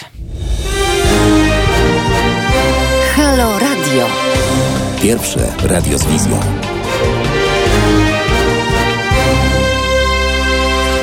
Pierwsze radio. Jesteśmy na antenie. Tak. Halo, halo. Wszyscy szanowni państwo, również e, przy radioodbiornikach, e, przy YouTubie, gdzie mamy swoją transmisję na Facebooku. E, państwo, którzy słuchają nas korzystając z odpowiednich aplikacji Jesteśmy, nasz numer przypomnę 22 39 059 22. Ten numer przypominamy, tak na wszelki wypadek, bo jeszcze przez 10 21 minut jesteśmy, jesteśmy z Państwem. Mm, trudne i dramatyczne sprawy, pisze pan, pan Piotr. E, pan Grzegorz dodaje, bo tu się sprawy społeczne rozgrywają. Ktoś dopisał też pan Tete. Anonimowo, jak słychać, komornika nie interesuje prawo, logika i stan faktyczny, tylko kasa, jaką może e, zarobić. No będę tu adwokatem diabła, no właśnie interesuje go prawo, dlatego pewnych rzeczy nie robi, tylko postępuje zgodnie z literą. Stąd było też moje pytanie do pań, czy czasami e, może coś od siebie dodać, czyli taką wartość dodaną i trochę lodu na głowy obydwu stron położyć, e, bo dzięki mediacją tego czy innego rodzaju bardzo wielu problemów tych emocjonalnych można uniknąć. Proszę pamiętać jeszcze, że w tym wszystkim są dzieci, e, które potem w pewien sposób wypuszczamy na świat i w których to zostaje. E, I niestety ja zawsze jestem, cały czas to powtarzam, że w Polsce prawo jazdy jest potrzebne do prowadzenia samochodu, a do zrobienia dziecka jest pół litra wódki najczęściej w polskim społeczeństwie potrzebne. E, I w związku z tym e, ludzie przez przypadek nie planują rodziny, bo nie są Czechami, nie ma tu automatów z prezerwatywami na każdym rogu ulicy jak w Czechach. E, więc dzieje się tak, jak się dzieje, a potem święte prawo nakazuje to, co powinno nastąpić później. Stąd bierze się cała masa ludzkich dramatów. Takie są fakty i od tego nie uciekniemy. Jeżeli państwu nie jest ze sobą po drodze, to warto się przede wszystkim dogadać ze względu na dobro dziecka, by nie wypuszczać emocjonalnej kaleki w świat. Powiem tak, może górnolotnie, a może dosadnie, e, ale tak mi się wydaje, że wielu tych spraw można byłoby uniknąć, szanowne, szanowne panie. E, I akurat jeżeli tej pracy miałoby być mniej, to myślę, że panie byłyby bardzo zadowolone. Dokładnie tak. Ponieważ w Polakach, no niestety, no, znaczy w nas drzemie taki duch takich e, osób, które mm, no właśnie tego prawa nie przestrzegają. I tak jak pan wspomniał o, ty, o, tym prawie jazdy, no więc Polacy chyba nie do końca przestrzegają przepisów związanych z przestrzeganiem prędkości. Tak samo jest z tymi alimentami, mhm. że no mam orzeczenie sądu, jest klauzula wykonalności, no ale cóż, no nie zapłacę jeden, drugi, trzeci miesiąc i to dokładnie tak jest jak z tą jazdą sam, samochodem, nie przestrzegając przepisów. To już może tak... Mhm. No właśnie, nie troszeczkę... przestrzegamy przepisów i jesteśmy przyzwyczajeni, tłumacząc to okupacjami i innymi rzeczami. Tak. To jest niewytłumaczalne. Dokładnie ponieważ, e, no cóż, nie można wszystkiego tłumaczyć latami zniewolenia i tak dalej. E, ja bym najprędzej wytłumaczył latami zniewolenia, by pewną ograniczoność umysłową, bo proszę jeszcze raz na Czechów zwrócić uwagę, którzy byli pod okupacją habsburską przez tyle lat i jako społeczeństwo przetrwali i radzą sobie Dobrze. E, u nas jest takie przyzwolenie, tak samo w sprawach gospodarczych, na niepłacenie faktur, no bo przecież tam, nie wiem, no może poczekać, Jedno nie? drugie. Bo ja dzisiaj muszę e, do klubu wyskoczyć e, i, nie wiem, coś sobie zażyć, a to wszystko kosztuje. I tu jest chyba taki właśnie podstawowy problem, że my się psujemy od głowy gdzieś u zarania i znowu wspomnę pani prezes, że to się bierze z wychowania w domu. Jak się młody człowiek na cwaniactwo przypatrzy i na omijanie prawa, na kombinowanie, to potem sam zaczyna kombinować, bo fajnie być cwaniakiem w naszym społeczeństwie, a reszta to frajerzy. Ja chciałabym się odnieść do takiego zjawiska, którego jeszcze wiele lat temu nie było, a mianowicie emancypacja kobiet zwraca uwagę, że tak jak kiedyś właściwie sporadyczne były wypadki, żeby matka zostawiała dziecko i wyjeżdżała sobie gdzieś ułożyć lepiej życie i ślad po niej ginął, to niestety tych spraw jest coraz więcej. No, zawsze nam się wydawało, że matka no, to po prostu jest tak związana ze swoim dzieckiem, że to prawie wydawało się niemożliwe. No, życie pokazało, że jest to możliwe w wcale nie małym procencie.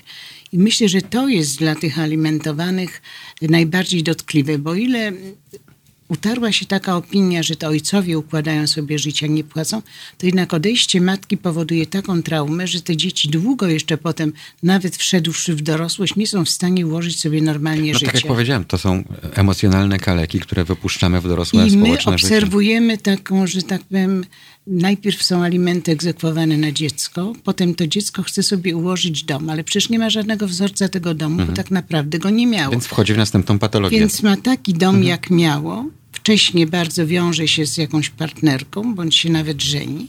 Ma dziecko, na które również nie płaci, bo według takich wzorców, czyli mówię, no, bieda, patologia dziedziczne. I myślę, że z tym najbardziej musimy walczyć. Dokładnie i właśnie taka niska kultura spłacania tych długów i tak jak tu Iwonka zauważyłaś, że to pokoleniowo to się zaczyna rozwijać. Niestety, no, skoro dziecko wychowuje się w takiej rodzinie, czyli on te wzorce również prezentuje na polu swojej rodziny. Natomiast uważam, że też jest duże pole do edukacji w tym względzie, żebyśmy jednak e, przekazywali te informacje do społeczeństwa, żeby one docierały, że swoje zobowiązania należy regulować. Po prostu, żeby to wybrzmiało. Przede wszystkim należy nie bać się komornika, tak? I współpracować z komornikiem, odbierać korespondencję. U nas jest duży problem z odbiorem korespondencji, jest przeświadczenie w społeczeństwie, że jak nie odbiorę, to ominę problem.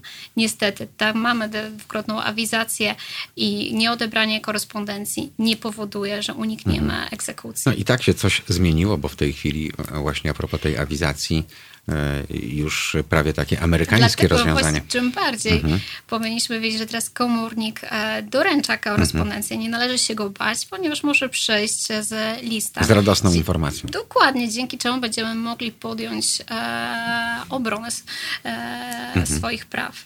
To jest akurat e, rozwiązanie, które bardzo cieszy, e, ze względu na to, że wiele osób e, niekoniecznie unika odbierania awizo, dlatego, bo wie, że coś się kroi, e, ale w dzisiejszym świecie zmienia adres, e, przeprowadza się, e, bądź e, na przykład funkcjonuje, nie wiem, w innych rejonach. U mnie listonosz jeździ dwa razy na miesiąc e, i to jest fajne, bo potem cała sterta przychodzi, bo takie są realia w Puszczy Kampinoskiej. Może Tak jakieś jak wilki, filmie wi- listonosz wilki, dzwoni dwa razy. Puka. E, może go wilki zjadły gdzieś tego poprzedniego i drugi już się boi i jeździć. E, no właśnie, takie reakcje na wizytę komornika, bo niektórym robi się gorąco, a niektórzy patrzą na, e, na panią Beatę, albo jak e, powiedziałaby pani prezes, Beatkę. No i co, co taka Beatka? No fajnie, że przyszłaś, drogie dziecko. No i, i co wtedy? Jak jak to się dzieje? Faktycznie wyciąga kamerę i filmuje czynność. Jak przechodzę na czynności i e, można powiedzieć, czasami mi to pomaga, czasami przeszkadza. E, pomaga w takich sytuacjach, że w momencie, kiedy pukam i otwiera mi dłużnik i mówię komornik, jest zdziwienie. Że Przyjdź z ojcem. e, Wróć z ojcem. e, stereotyp, że komornikiem e, jest mężczyzna, tak, jest oczywiście to ten zły, niedobry, ale bycie kobietą komornikiem pomaga w tym, że pomaga mi to podjąć współpracę, tak, ponieważ przez to, że jest takie zdziwienie, jest szok, że przyszła kobieta młoda, powoduje, że mogę wejść do tego mieszkania, co jest wie, e, często problemem, żeby dłużnik wpuścił komornika. Przez to, że on jest jeszcze wtedy zszokowany, udaje mi się wejść do środka i tak naprawdę porozmawiać z e, dłużnikiem i dzięki temu e, często e, zakończyć czynności porozumieniem, współpracą. No, nie wierzę, żeby pani pani Beato weszła do tego dziecka i zabrała mu biurko, o czym ostatnio media donosiły. E, podjechać, podjechawszy meblowozem, bo e, czasami chyba dużo zależy tak naprawdę po prostu od człowieka. Mówiliśmy o poruszaniu się w granicach prawa. Dokładnie, są elementy, z których ale... nie mhm. zajmujemy. Są to elementy niezbędne, przedmioty e, do życia. Wiedzą Panie, że można się starać na wszelkie sposoby przez 11 miesięcy i 29 dni, a 30 przyjdzie taka czarna owca i ten wizerunek y, popsuje na najbliższe 10 lat, bo komornik będzie się kojarzył z tym, co bułkę dziecku wyrywa z, z talerza. Czy ja chciałabym powiedzieć, że mamy kodeks etyki i również za czynności, które są podejmowane zgodnie z przepisami, powiedzmy mhm. z grubsza rzecz biorąc, ale w sposób nieetyczny. Szczególnie z grubsza, pani Tak, mhm. wdrażamy postępowania dyscyplinarne. Ja starałam się przez cały czas, jak kierowałam tą korporacją, wdrożyć taką maksymę, że komornik ma ogromne imperium władzy. Może wyważyć drzwi, może zająć rachunki, może zrobić. Pytanie Jezu, powstaje tylko takie, czy muszę to zrobić, to co mogę. I zróbmy tylko to, co jest niezbędne, a nie to, co możemy zrobić. Czyli ten czynnik wtedy... humanistyczny tak odgrywa jest. bardzo ważną tak rolę. Jest, tak. I komornik nie musi być wyzuty z tegoż czynnika. A nie raczej... powinien być wyzuty w ogóle z miłości mhm. do ludzi. To może brzmi paradoksalnie, ale tak powinno być. Mhm. Tak jak komornik bardzo często ma dylematy moralne, czy wyrzucić do noclegowni, czy nie wyrzucić i jakoś musi to wypośrodkowywać. To jest chyba najcięższe w naszej pracy, takie rozsterki. Mhm. I myślę, że zawsze można wypośrodkować właśnie jaki, w sposób taki dokonania czynności, żeby mogę zrobić bardzo wiele, ale nie muszę tego robić. Natomiast jeżeli dłużnik uporczywie nie wpuszcza komornika do mieszkania, to warto przypomnieć, że może komornik skorzystać z artykułu 814 KPC i dokonać przymusowego otwarcia drzwi. Także razy wpuszczać nie tylko piękne, młode jak pani Beata, ale starszych i mało atrakcyjnych komorników. No tam się same drzwi uchylają, przecież pani prezes, to nawet nie, zanim dzwonka dotknie, to już ciekawość wygrywa. A my musimy egzekwować mhm. i nawet na dramatyczne pytania, z czego mam żyć, to możemy tylko powiedzieć z przyzwyczajenia. Mhm. Dokładnie tak jest. No smutne, ale prawdziwe. E, natomiast mam nadzieję, że jak komornik taki statystyczny przychodzi wieczorem do domu, to e, patrzy sobie w lustro i nie musi sobie wiele, wiele zarzucić i dobrze się z tym z tym czuję. Zresztą mm, w wielu e, przypadkach e, stanowisk administracyjnych e, właśnie bardzo wiele zależy od, od człowieka, bo zawsze się zastanawiam, jeżeli jest ktoś złośliwy, nie wiem, w tej czy innej instytucji, czy ten pan, pani lepiej się czuje wieczorem, jak już przyjdzie po pracy, że właśnie dzisiaj pokazała, czy pokazał, kto tu rządzi. To jest dla mnie najdziwniejsze. Żyje się na tyle krótko, że powinniśmy się skupić na nieco innych e, rzeczach, a jak wiadomo, każdy ma prawo, pani prezes, do posiadania długów, tak jak i do posiadania majątku, w związku z czym to jest tylko życie.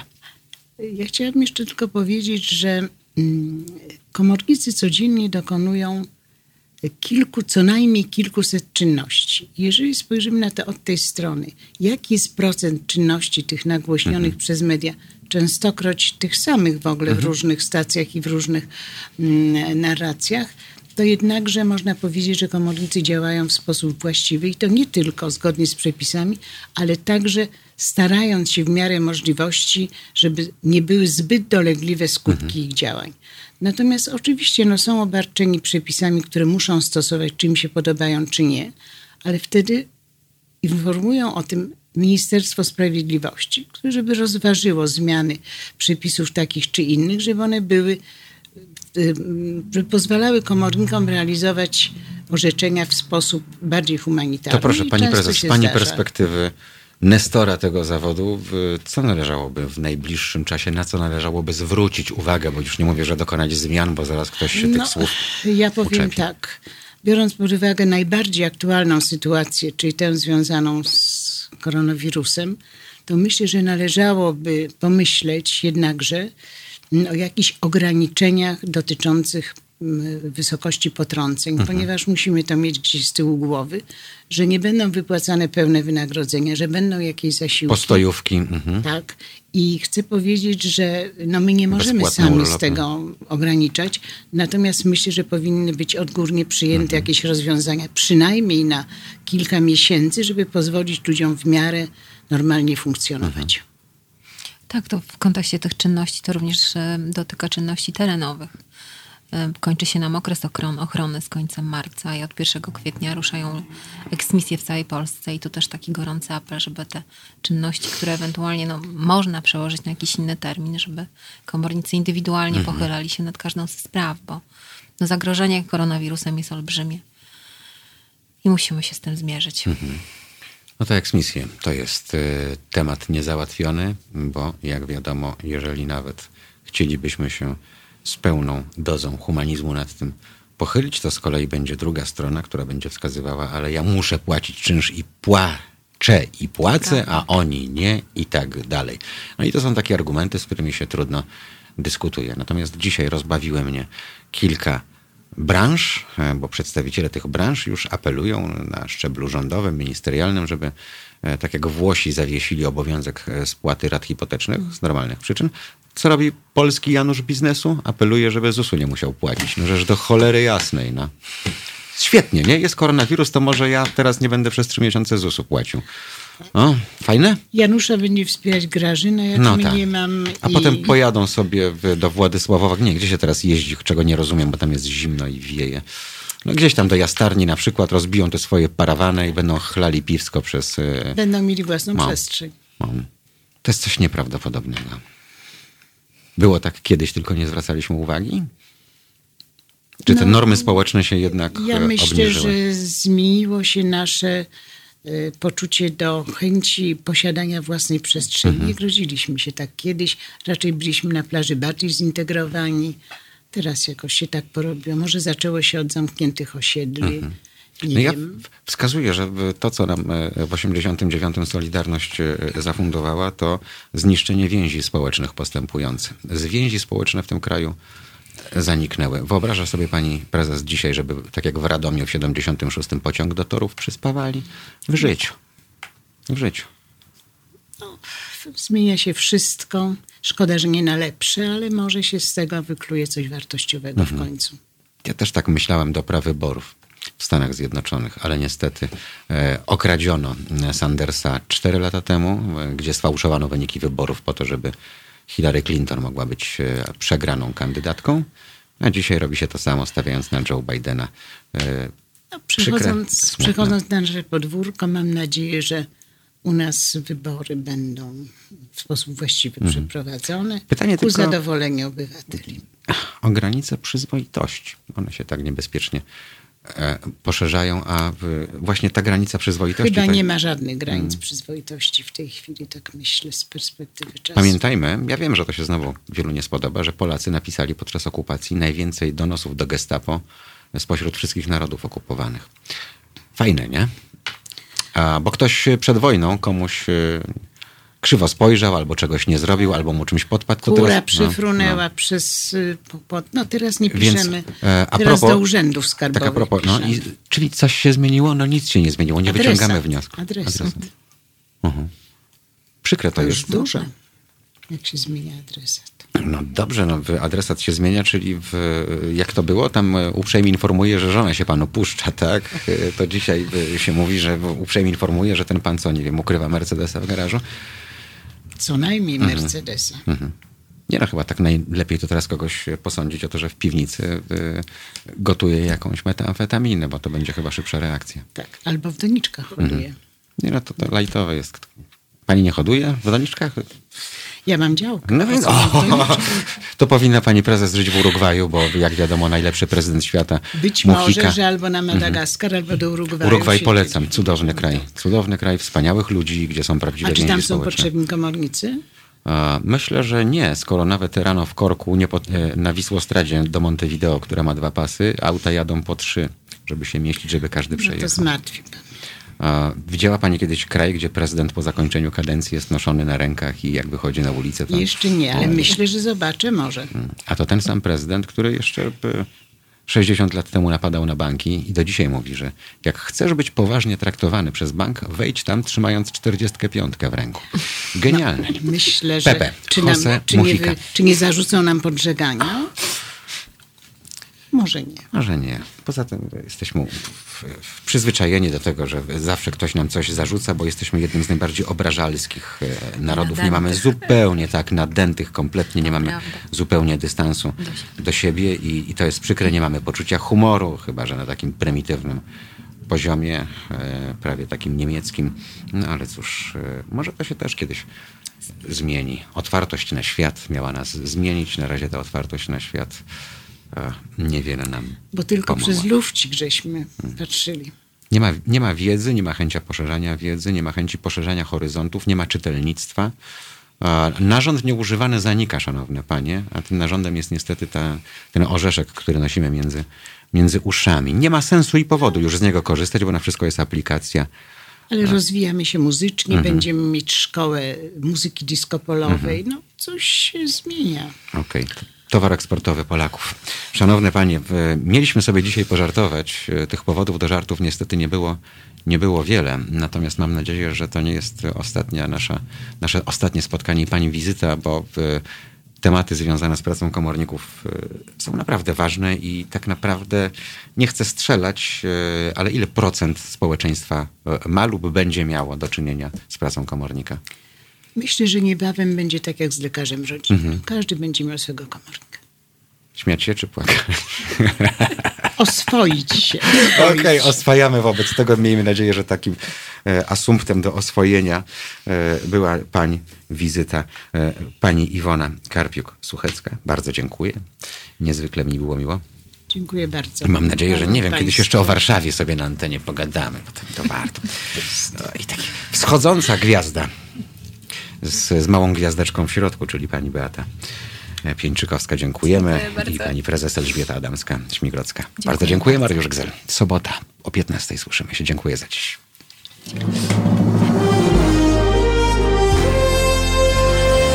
To proste. Żeby robić medium prawdziwie obywatelskie, potrzebujemy Państwa stałego wsparcia finansowego.